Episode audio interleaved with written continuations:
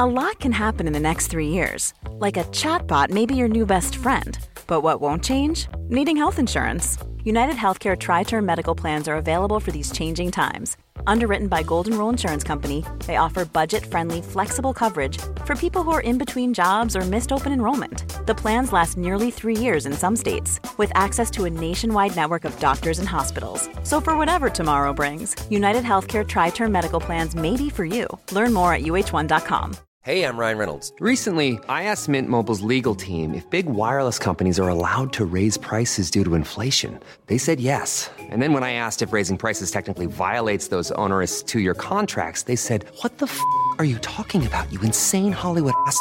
So to recap, we're cutting the price of Mint Unlimited from $30 a month to just $15 a month. Give it a try at mintmobile.com slash switch. $45 upfront for three months plus taxes and fees. Promo for new customers for limited time. Unlimited more than 40 gigabytes per month. Slows. Full terms at mintmobile.com.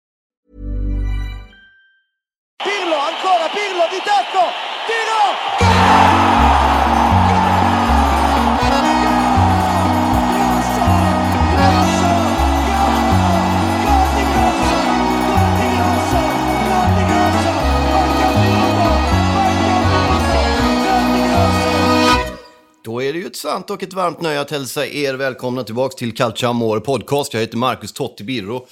Och eh, det har ju gått en liten tid sedan eh, vi bandade en podcast, ett avsnitt tidigare, eh, sen sist menar jag. Det har gått ett tag. Eh, men det har varit fullt upp på en del andra fronter och en del andra planhalvor där det har härjats loss i ösregnet. Så att, eh, nu känns det skönt att kunna traska in genom de grönvit-röda portarna och leverera ännu en episod av eh, Och den här gången tar vi ett stort Roma-fokus. Och eh, det kan ni tycka vad ni vill om eh, när man är part i målet som undertecknad. Men det är ändå så att det har hänt mycket i klubben. Det händer mycket i klubben. Och eh, det är på många sätt en spännande tid som är där just nu. Sen är ju frågan om exakt hur spännande den är och vad som händer och allt sånt där. Eh, vi börjar där och sen så går vi igenom lite grann eh, det som har hänt övrigt i Serie A, Champions League och det som komma skall och vad som väntar och lite sånt där. Men låt oss börja då med Roma. Och låt oss gå tillbaka ett antal år, nämligen till 2011 då jag levde i Rom under en period på, vad det nu var, ett halvår drygt. Ehm, och eh, det var ju en fantastisk tid på väldigt många sätt. Ehm, framförallt så kommer jag ihåg när det gällde det fotbollsmässiga, jag jobbade på TV4, eh, Club Calcio på den tiden. Så jag åkte runt även där och sände lite matcher och vi var inne på inneplan inför derbyt, där en regnig match som Roma vann tror jag, om jag inte minns fel. Och det lär jag inte göra i det sammanhanget. Ehm, men framförallt så var det ju det då att under den tiden så kom amerikanarna in i bilden när det gällde Roma och köpte klubben helt enkelt. Och då var det ju väldigt mycket det här nytänket som är. Vi ska ju sätta det här också kort i ett ännu längre historiskt perspektiv än 2011. Så att Rom är ju en stad, alla vet det, de flesta åtminstone. Eh, kan sin historia någorlunda när det gäller staden Rom. Eh, det är ju en stad som är... Det kallas för den eviga staden, det är en tidlös stad och det är den ju för att, och det är lite egentligen ett felaktigt sätt att benämna stan som tidlös och att det är liksom, den är, ju, den är ju det på många sätt, den är evig och det är bättre uttryckt möjligen, men den är också väldigt mycket förankrad i det som redan hänt och det som har hänt för väldigt, väldigt länge sedan.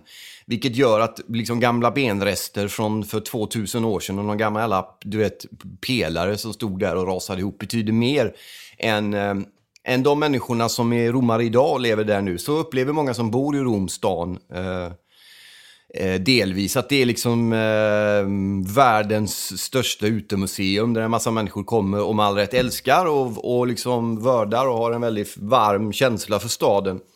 Men kanske då mer för vad den har stått för och vad den har betytt för väldigt, väldigt länge sedan. Och det där kan sätta naturligtvis nutiden och de människorna som lever i staden i en märklig situation på något sätt. Bara ta väldigt konkret innan vi hoppar 2000 år fram i tiden. liksom det här med tunnelbanelinjer. Jag tror att det finns två linjer i Rom eller något sånt där. Man har byggt en tredje i 30-40 år. Varje gång man kommer 10 meter längre ner så stöter man på gamla krukrester och skit, vet. Och sen så ringer man de här gubbarna och tjejerna i eh, från eh, du vet, arkeologerna som kommer där med sina penslar och så är den skiten stängd i hundra år för att man ska... Det, det är lite den grejen och det är ju då att ibland kan det kännas som att stan är till för alla andra, inte för oss som bor här och är uppväxta här och bott här i du vet, hundra generationer. Eh, det där tycker jag att man ska ha med i minnet när det gäller Rom och när det gäller saker som ska ske i nutid, när man ska ta så kallade nystarter. För det har skett en del nystarter i klubben Roma om man tar det. Eh, och det kan man väl möjligen tycka inte har blivit riktigt som man hade hoppats kanske. Det har ju pratat ganska länge, framförallt i alla fall koncentrerat och tidigare ändå för övrigt, men jag hinner inte gå igenom alla delarna. Men det har talats väldigt mycket om det här med att bygga en ny arena. Och det blev väldigt konkret 2011 när amerikanerna kom av den anledningen att det kom väldigt mycket pengar in. Så då kom det att plötsligt kännas som att äh, men nu är det dags, nu ska vi bygga, nu är, det liksom, nu är det spaden i jorden och det togs till och med bilder och det var tredimensionella modeller som man kunde snurra runt där på ett helikopterperspektiv och kolla på hur fint det skulle bli. Och det skulle vara folk som hälsar alla välkomna och det skulle vara Disneyland för Roma-fans och det skulle vara, du vet, badkar med popcorn och eh, Megalsize eh, Coca-Cola och allt vad det nu skulle kunna vara för någonting. Och sen hände egentligen ingenting. Men där någonstans så började då projektet i nya Roma. Man tog det lite lång, ganska sådär hyfsat långsam takt i början. Men det ska sägas att det skövlades in en väldig massa, förutom pengar, som det verkar har gått, eh, inte så väldigt mycket, men det skövlades in väldigt mycket engagemang och väldigt mycket drömmar och väldigt mycket tro på att det den här gången skulle bli en, en förändring, en förbättring. Eh, att det skulle ske någonting stort i Roma, det var känslan 2011. Den tycker jag var väldigt tydlig när man var på plats där under, för all del bara ett halvår knappt, men ändå. Det var tydligt att nu händer det, men sen händer det inte. Och egentligen borde man ju ha lärt sig när det gäller Roma att det händer, men det händer inte hela vägen. Eh, och på det sättet så känns Roma lite, och nu får ni liksom ursäkta en haltande jämförelse, men Hammarby, man är liksom en stor klubb, man har mycket folk, man har ett varumärke som är beundrat. Alltså Roma är ju Hammarby gånger 200 000 typ. Men sen vinner man inte så jävla mycket över tid. När, vad är det? Hammarby har väl vunnit en ligaseger, var 2001 eller vad det var för. Och Roma har ju ungefär samma och nästan exakt samma år för övrigt, 2001. Men det är ju, det är ju ändå liksom, det är klart att det går att mäta på andra framgångar. Man har ju fött, man har ju en, en, ett varumärke som är starkt, man har otroligt mycket supportrar runt hela världen. Man, är, man, har, man har fostrat några av de största fotbollsikonerna i världsfotbollen, som Totti och De Rossi till exempel, men även fler innan. Man har, man har gått till semifinal i Champions League. Men här någonstans så delar sig liksom bilden av Roma och då blir det så här att någonstans så har man då en självbild av att man är världens vackraste klubb med världens vackraste inmarschlåt. Det har man ju förut. Men ändå världens vackraste tröjor, man har världens vackraste fans, arena, världens vackraste stad. Ja, men ni vet, allt det där. Och då, då spelar det egentligen ingen roll om man inte vinner, för man vinner ändå, för man är bäst. Fattar ni eller? Den känslan finns. Samtidigt som man då och där kan man väl känna igen sig själv i lite utan att bli alltför personlig. Men ändå ska man försöka slå underifrån och hävda sitt underdog-perspektiv som när man gick till semifinal i Champions League då för ett år sedan ungefär. När man då skulle möta Barca, eller man hade slagit ut Barca där och fick Liverpool i semi och sådär. Och då blev det så här, ja men nu är vi uppe på de stora nu är vi liksom, du vet, och tävlar mot dem som har mer pengar än vad vi har och som är liksom en större klubb och som har större resurser. Och, men Roma är med. Och då vänder man plötsligt på det jävla perspektivet så att det passar liksom utgångsläget som man ska in i. Och börjar surra om att, ja men fan, vi, vi slår underifrån nu. Och, och det där går inte riktigt ihop. Och jag tror att det det kan man ju bara tycka är liksom inte är speciellt mycket att notera eller bara göra en radanteckning och gå vidare. Men jag tror att hur man, hur man ser sig själv som klubb och hur man resonerar kring vilken typ av förening, vilken klubb och vilken del av världen man är och så. Det, jag tror att det präglar även, även det går liksom som ett... Allting sipprar ner. Eh, jag vet spelare ibland, jag har träffat många fotbollsspelare av olika dignitet som pratar om ah, det som händer på kansliet eller det som händer där, det bryr jag mig inte så mycket om och det kan man inte påverka. Och det är naturligtvis rätt, det kan man inte påverka. Men jag, ska, jag tror inte att det finns någon fotbollsspelare i någon klubb som spelar liksom oberoende på hur det går i den i övriga delen av klubben. Allting är klubben liksom. Hela vägen ifrån eh, högsta hönset som vi säger, sa på 90-talet, högst upp ända ner till liksom den fattigaste supporten som krigar dygnet runt för att få råd att gå på match ibland. Allt påverkar, allt är en enhet, allt är vi, allt är klubben vi älskar om vi nu gör det. Liksom. Och det, jag tror att det kan vara värt att notera den grejen. Så att om man ser då eh, Roma från 2011 och fram till idag så är det ju bara ett gäng andra platser egentligen. Och då kanske man kan lite elakt säga att passade ju bra att Ranieri kommer tillbaks. Och det är ju elakt. Jag har stor respekt för Claudio Ranieri. Jag tycker hemskt mycket om honom. Så det där var väldigt löjligt sagt. Men han har en historia av att ha misslyckats. Därför var jag nog en av de gladaste icke-Leicester-fansen i världshistorien när Leicester gick och vann eh, ligan under Ranieri. För var det någon tränare som var värd det så var det sannerligen Claudio Ranieri. Och inte bara att han liksom var värd det som att han hade vunnit på Lotto eller någonting, för han kom ändå in och styrde upp och gjorde Leicester utifrån de förutsättningar som fanns till Englands bästa fotbollsförening under en säsong. Och det ska han naturligtvis ha all heder av. Och det tycker jag också att han har fått. Det talades mycket innan den att han var liksom Ja, men sådana som jag satt ju just och sa sådana här saker. Jag tycker mycket om honom. Jag hoppas att han, lite grann som att man skulle hoppas att han skulle köra genom ett ösregn och komma ut på en solig plats i Karlstad liksom. Som att det inte betydde något att allting han själv hade lagt ner. Men han la ner mycket grejs. Det är hans förtjänst, det är ingen tur som har drabbat honom. Och då är det värt att notera, tycker jag, att eh, även den mediala bevakningen kring detta och även eh, lika mycket skit som han fick under alla år när han inte lyckades, lika mycket värme och kärlek tycker jag trots allt att han fick när han då vann med Leicester. Då vände ju hans liv i delar i, i mångt och mycket. Så det tycker jag nog ändå att, att, eh, att, eh, att man kan konstatera. Liksom. Men nu har man ju då, Roma har gjort rotation och det som egentligen var den så kallade droppen. Det, var, det här var ju en bägare som har varit överfull under längre tid tror jag än vad folk runt omkring kan förstå. Den här bägaren har varit full sen eh, egentligen, ja, alltså sent i förra hösten någonting. När Roma uppenbarligen gjorde sig av eller sålde eller eh, förlorade spelare som Stråtman, bland annat Nangolan. Eh, och en del andra. Men framförallt när man gjorde den här, de köpen man gjorde, man försökte täcka, man försökte sminka över de här spelarförlusterna med kvantitet mer än kvalitet kan man säga. Man köpte på sig, jag vet att de la upp någon grafisk bild av det, det var liksom fan ett fotbollslag plus avbytare med gubbar som kommit in, du vet. Och det var ju en del spännande namn där möjligen. Eh, Kluivert eh, var väl ett Pastore. Ingen av dem har väl egentligen riktigt levererat. Men sen har man ju då fått Saniolo istället. Och Saniolo har ju då, vi ska komma in på honom strax också. Så där har man ju då de tre som på något sätt skulle fylla luckorna efter de som försvann. Och det har de inte lyckats göra. Och det menar jag är nyckeln till varför Roma har misslyckats. Och därför menar jag att nu har ju Monchi fått sparken, eh, Eusebio Di Francesco också fått sparken. Det borde ha skett tidigare, i den ordningen. Jag tror till och med att om man hade börjat tidigare hade man kunnat bara inom situationstecken göra sig av med eller då avskeda eller mm, sparka eller vad man nu vill använda för drastiskt uttryck. Men att entlediga eh, Monchi och ge De Francesco andra förutsättningar för att jobba vidare. Därför att de nyförvärvs, det är inte bara Monchis eh, ansvar, jag vet det, men det är ändå på något sätt där det ligger delvis. Eh, och att man inte har inkluderat Totti mer. Eh, nu vet inte jag exakt hur mycket han vill och hur, hur känsligt det där är. Men, men det finns en del grejer där och där tycker jag att man borde agerat snabbare. Oj, eh, kom åt skrivbordet. Eh, snabbare och eh, tydligare och tidigare. För att ge kanske då Eusebio Di Francesco möjligheten att bygga vidare på det här laget. Nu blev det inte så. Nu gör man det istället i sista grevens stund, bara några månader innan säsongen är slut. Man kastar in Ranieri som får köra ett tag och eh, ja, det kan man väl tycka vad man vill om. Men att Monchi ändå är ansvarig för de nyförvärv som kom in och som inte höll måttet. Men också i två delar då, att de spelarna som försvann eh, lyckades man inte eh, täcka upp för eller köpa in nya som kunde täcka deras, eh, deras förlusten av, av dem. Eh, så att det här borde man ha sett långt tidigare. Man borde ha, sett, man borde ha stramat upp försvarslinjen. Man borde ha eh, jag vet att Robin Olsen har ju kommit in och han har väl gjort det hyfsat bra. Han har varit svajig i vissa matcher, men menar, han får inte speciellt mycket hjälp av det försvaret heller. Det har funnits matcher som jag har sett där Roma har spelat ett försvar A lot can happen in the next three years. Like a chatbot maybe your new best friend. But what won't change? Needing health insurance. United Healthcare Tri Term Medical Plans are available for these changing times.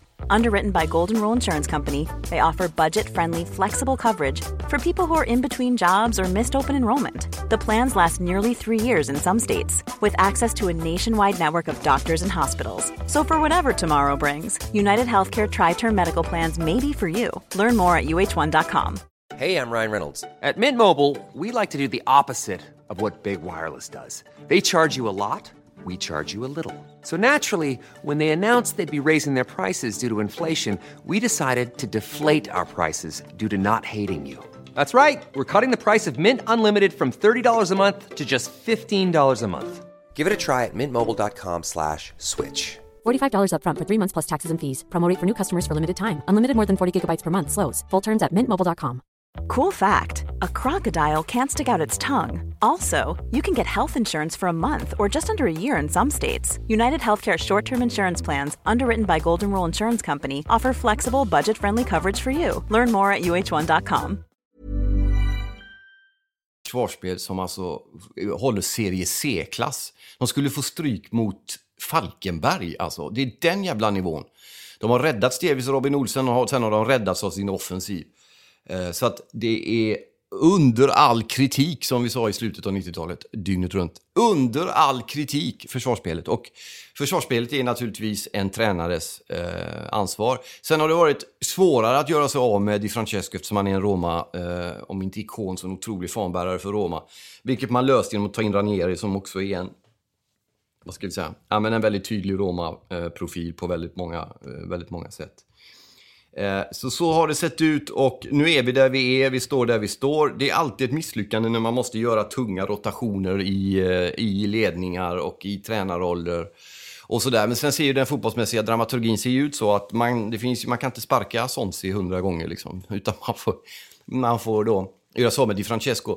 Och jag tycker att det är, det är så många har skrivit på Calcio Amores Facebookgrupp också, att det är synd tycker jag, för att det är många som tycker väldigt mycket om honom, det man har läst och lärt känna honom Eh, genom. Och jag tycker samma sak, jag tycker att det verkar vara en otroligt sympatisk människa. Han kan mycket om fotboll, han gjorde ett otroligt jävla bra i Sassuolo, kom till sitt hjärtas klubb och har efter förutsättningarna gjort det väldigt, väldigt bra. Vi ska aldrig någonsin glömma att han tog det här laget till att slå ut Barcelona efter en förlust och vände 3-0 hemma och tog dem ända till en semifinal där man var nära att vända och vinna mot Liverpool också i slutet där.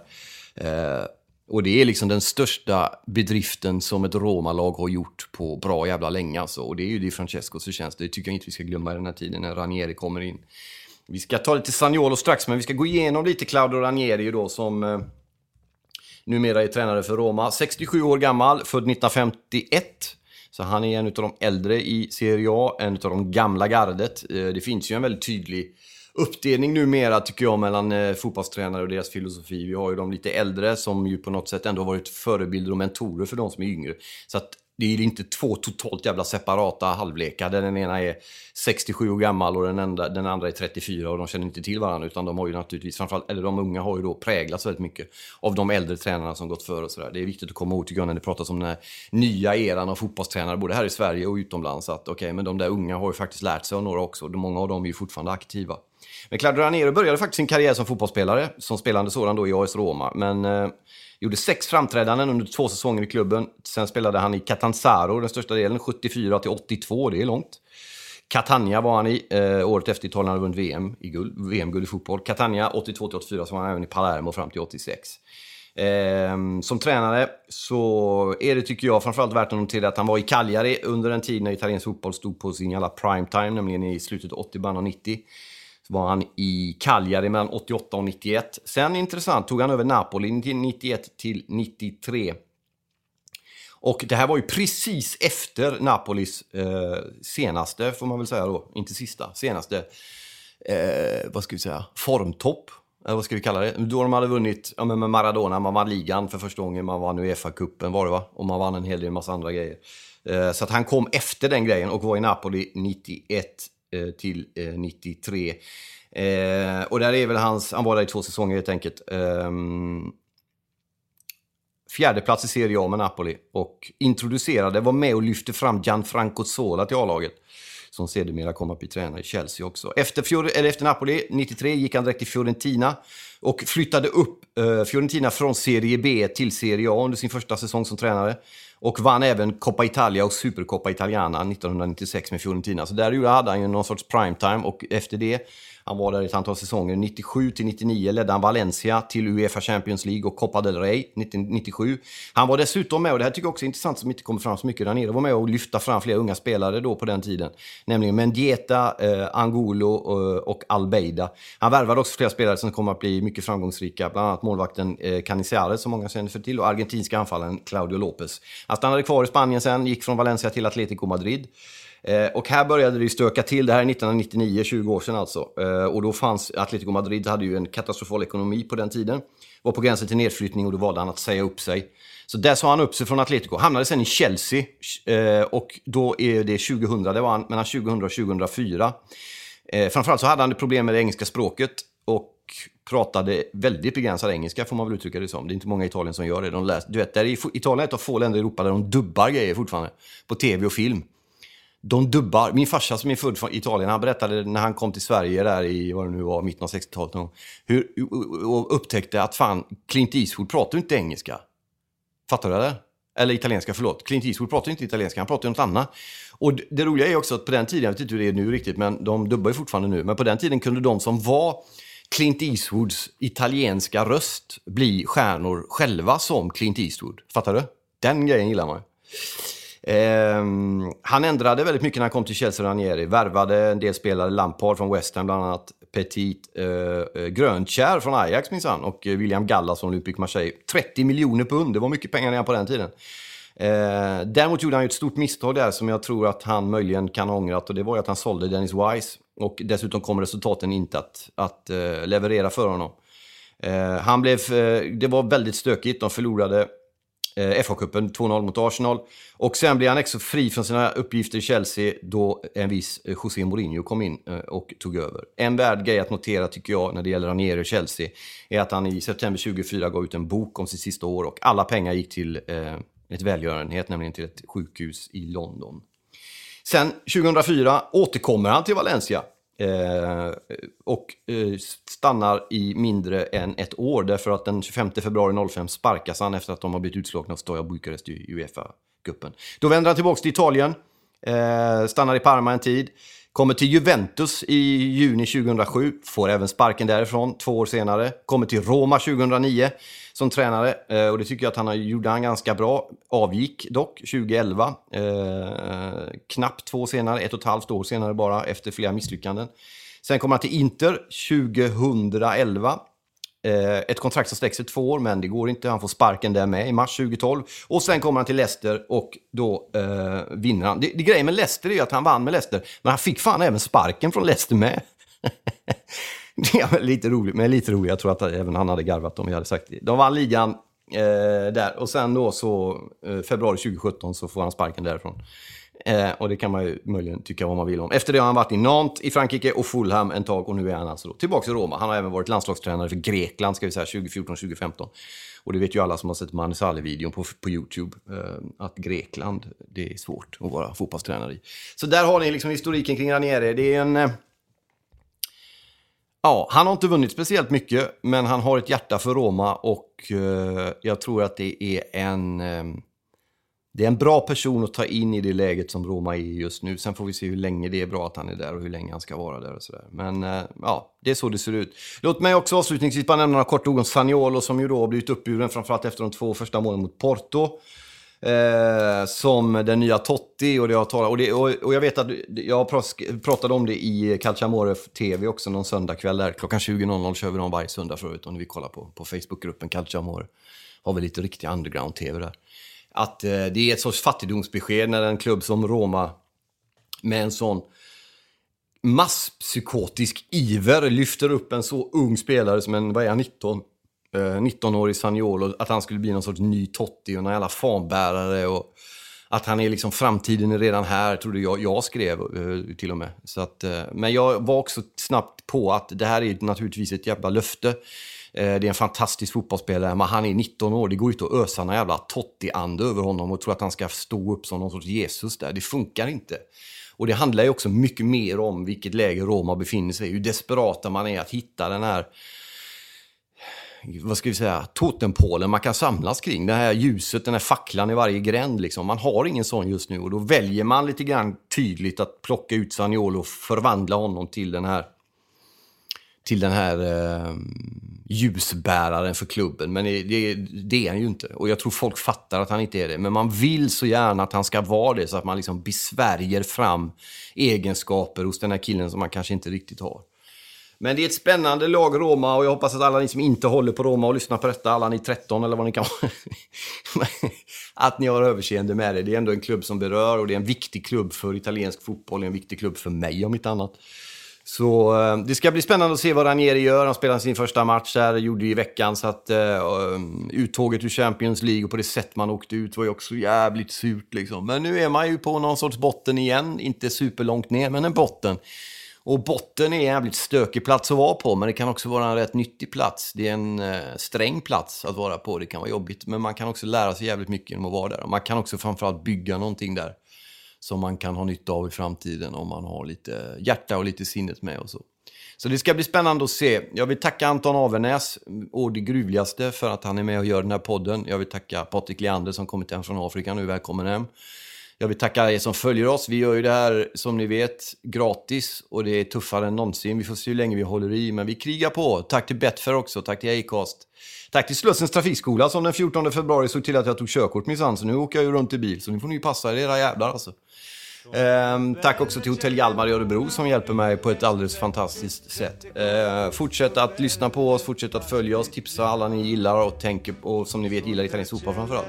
Att följa Calciamore på Facebook, vi har en hemsida som heter calciamore.se, vi har ett Twitterkonto och jag finns på Twitter och Facebook och överallt. Så eh, gå in och följ oss där och eh, skicka massa mail till Strive om att vi kan göra ett fantastiskt ljudprogram mer eller mindre gratis för dem. De svarar inte mig längre så jag tror inte det blir något. Men jag försökte i alla fall. Eh, så är det med den saken. Stort tack för allt detta.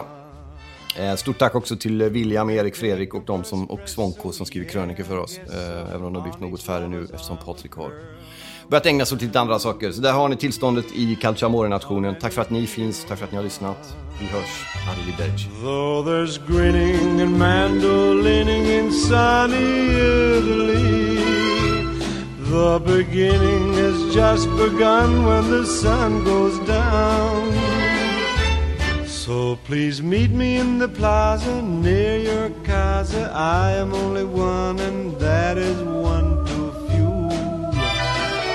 On an evening in Roma don't know what the country's coming to, but in Rome do as the Romans do. Will you on an evening in?